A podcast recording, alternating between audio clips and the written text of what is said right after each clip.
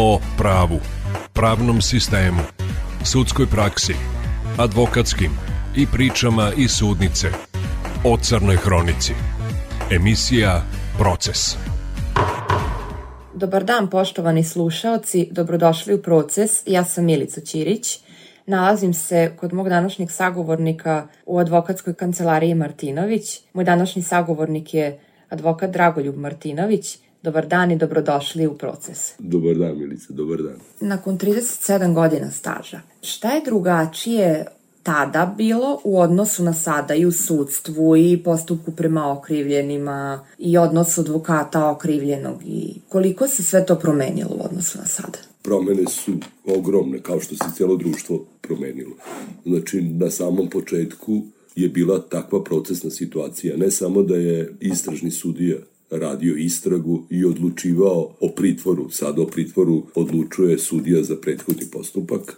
Nekad je istražni sudija odlučivao, a okrivljeni su bili zadržavani u policiji 48, čak i 72 sata, bez prava prisustva advokata što znači da je to favorizovalo i advokaturom su se na početku bavili ljudi koji su imali bliske kontakte sa policijom ili su bili bivši policajci i koji su imali saznanja o tome zbog čega je neko uhapšen, koje su osnove za sumnje da je neko uradio krivično delo, a advokati, pogotovo mladi advokati koji su tek ulazili u sve to, su bili lišeni bilo kakve informacije zbog čega je neko zadržan, znači prvi kontakt sa time bilo kada istražni sudija čita osnovno sumnje. Tako da su ljudi apsolutno nisu imali prava sada okrivljeni moraju da im se u policiji bio i tretman prema okrivljenima prilično grub, bilo je tu i šamara i pretnji, policija imala mnogo veća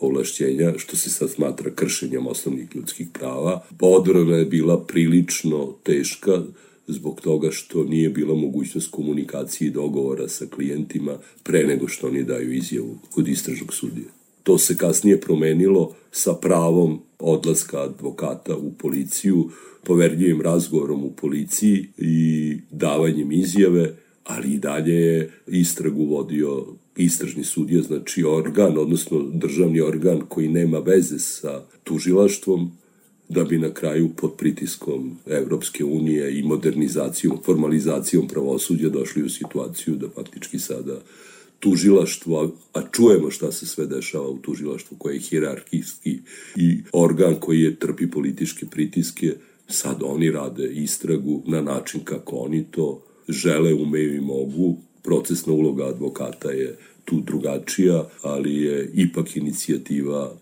pošto blisko sarađuju tužilaštvo i tužioci, čak često sam zahtev za sprovođenje istrage je prepisana krivična prijava, da je ovo neka situacija u kojoj se drugačije pravi taktika odbrane nego što se radila u prvoj opciji, u drugoj. Jednostavno, način pristupa pripremi odbrane je drugačiji i menjao se kroz vreme. Koliko je lako dokazati, sad kad ste spomenuli tretman prema okrivljenom, da je okrivljeni možda bio pretučen, zlostavljan na bilo koji način, da su mu kršena ljudska prava, ne mislim samo na batine, nego mislim i na pravo da ispoveda svoju veroispovest ili da pridržava određenog režima ishrane. To je sada mnogo lakše nego što je bilo pre. Koliko je to sada lako dokazati? Lako je dokazati, ja sam imao čoveka kao anegdota koji se izjasnio kao eskim, kada su ga pitali za pripadnost. O čemu se tu radi? Radi se o tome što ta reakcija mora da bude blagovremena, promptna. Taj koji tvrdi da je priživao određeno zlostavljanje, bi morao to da prijavi prilikom prvog saslušanja, da traži medicinski pregled ili da traži dokaze o tome da on ne može adekvatno da iznese odbranu zbog toga što u kasnijim fazama, ako nije odbrana dobro pripremljena, kada dođe do menjanja odbrane, veoma često ljudi kažu da su delimično priznavali krivična dela zbog pritisaka koji su doživali u policiji i to je toliko već viđena priča, to su jednostavno zlopotrebljavali ljudi, pa su to govorili ljudi koji apsolutno nisu doživjeli nikakav pritisak, tako da sud u svojoj praksi izuzetno redko obraća pažnju na takva obrazloženja ako nisu potkrepljena materijalnim dokazima. A ukoliko uspete da ih potkrepite materijalnim dokazima, kakve su presude? Kako se rešava to? Uspeh je kada se iz spisa izdvoje nekakve službene beleške koje su pravljene na nezakonit način ili da se ispisa izdvoje oni delovi iskaza koji su po stavu suda iznuđeni ili davani u situacijama u kojima okrivljeni su kršena osnovna ljudska prava. To se izdvaja, pakuje u posebnu kovertu i na takvim izjavama ne može da se zasniva sudska odluka. Evo, to je poslednja priča sada koja je medijski eksponirana, Sky komunikacija, da li je zakonita ili nezakonita. Hipotetički, ako nije, morali bi da se izdvoji iz sudskih spisa i sudska odluka ne bi smela da se bazira na činjenicama i dokazima koji su na taj način nezakonito pribavljeni. Kako je vaše viđenje toga? Zato što Sky i Anom, ako sam ja dobro razumela, su aplikacije kao što su Whatsapp, Viber, Skype, Messenger, Telegram, Signal, znači aplikacije tog tipa su za komunikaciju. Da li iko ima zapravo pravo da prati vašu komunikaciju sa nekim? Ja nemam prave odgovore, to će na kraju vjerovatno Vrhovni kasacioni sud da da odgovore. Pošto praksa i pravo je živa stvar i propisi bi trebali, stavovi sudske prakse bi trebali da se prilagođavaju novim situacijama, novim tehnologijama. Pa nekad je bilo nezamislivo da se komunicira sa tužiocem putem maila. Nije svako ni bio dužan da ima mail adresu i da ima računar, a sad se to smatra standardnim, urednim i zakonitim načinom komunikacije. Znači, takve stvari, kako se menja situacija u društvu, mora da se menja i sudska praksa i podzakonski propisi. Nema odgovor na to pitanje, ali znam jednu stvar da se način otkrivanja krivičnih dela promenio. Nekad su policija, kada nije bilo interneta i nije bilo mobilnih telefona, imale su drugačije metode saznanja, a sada pregledom mobilne komunikacije, baznih stanica sa kojih su obavljeni razgovori, drastično olakšava policiji posao, pribavljanju transkripata, da se vide kakva je bila komunikacija, ko se gde nalazio za vreme komunikacije, a utoliko je teže i napraviti odbranu,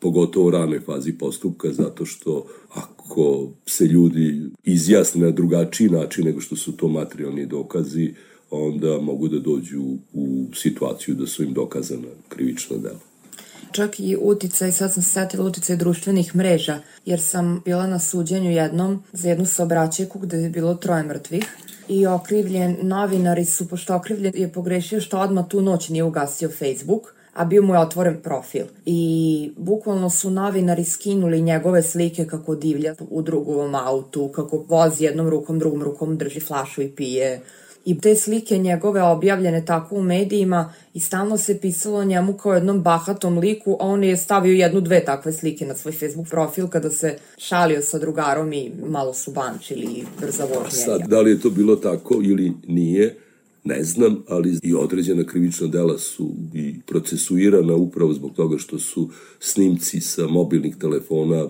građana, mediji su potencirali i onda je tužilaštvo reagovalo i gonila neka krivična dela koja možda ne bi gonila da nije bilo uticaja medija, slika sa mobilnog telefona ili sa društvenih mreža. Znači, tu mediji u stvari odigravaju mnogo aktivniju ulogu nego što je ta uloga bila ranije, ako smo pričali o tom. Nekad se zvanično saopštenje policije ili suda dešavalo na kraju suđenja, a sada novinari faktički skoro aktivno učestvuju u prikupljanju nekih činjenica koje mogu da donesu presuđenje. Da, objavi se. Objave građani šalju raznim portalima Tačno, slike i to je snimke. sad aktivna uloga Ali objave na društvenim mrežama, pa taj neko može, ako je moj otvoren profil, oni mogu samo da skinu sliku. Sve tačno, toga nije bilo. Ako pričamo o tome šta je bilo nekad. Nekad policija da saopštenje da je DB, ne znam, osuđen za razbojništvo. I to je sve što je bilo dostupno medijima i drugim ljudima, a sada je to... Sad mi imamo pravo da vidimo i čak i optužnicu na uvid. Naravno, naravno. Mnogo je aktivnija uloga novinara i mnogo odgovornija uloga novinara sada nego što je to bilo. Da, novinari sada baš nisu omiljene ličnosti, već među okrivljenima. Zato što mi baš pišemo o tome što je taj neko počinio. To je napredak očigledno. Napredak u odnosu na situacije koje su bile ranije i nekad je bilo mnogo teže napraviti kvalitetnu odbranu ako govorimo o onom vremenu kojem sam ja počeo, ali s druge strane i bilo je manje uticaja na sam sud, na ljude koji su presuđivali, to su bili ljudi koji su bili od nekakvog integriteta, imali su svoj stav, a bojim se da sada i medijska prezentacija utiče i na odlučivanje sudskih veća koji sude i oni su izloženi... Na drugačiji način kada je medijski predmet ispraćen kao ikada Naravno, mnogo su veći pritisci, pa se često može da se desi da su ljudi, zahvaljujući medijskom pritisku, osuđeni pre nego što se završi krivični postupak. Mnogo vam hvala što ste govorili za Radio Novi Sad. Hvala i vam. Proces.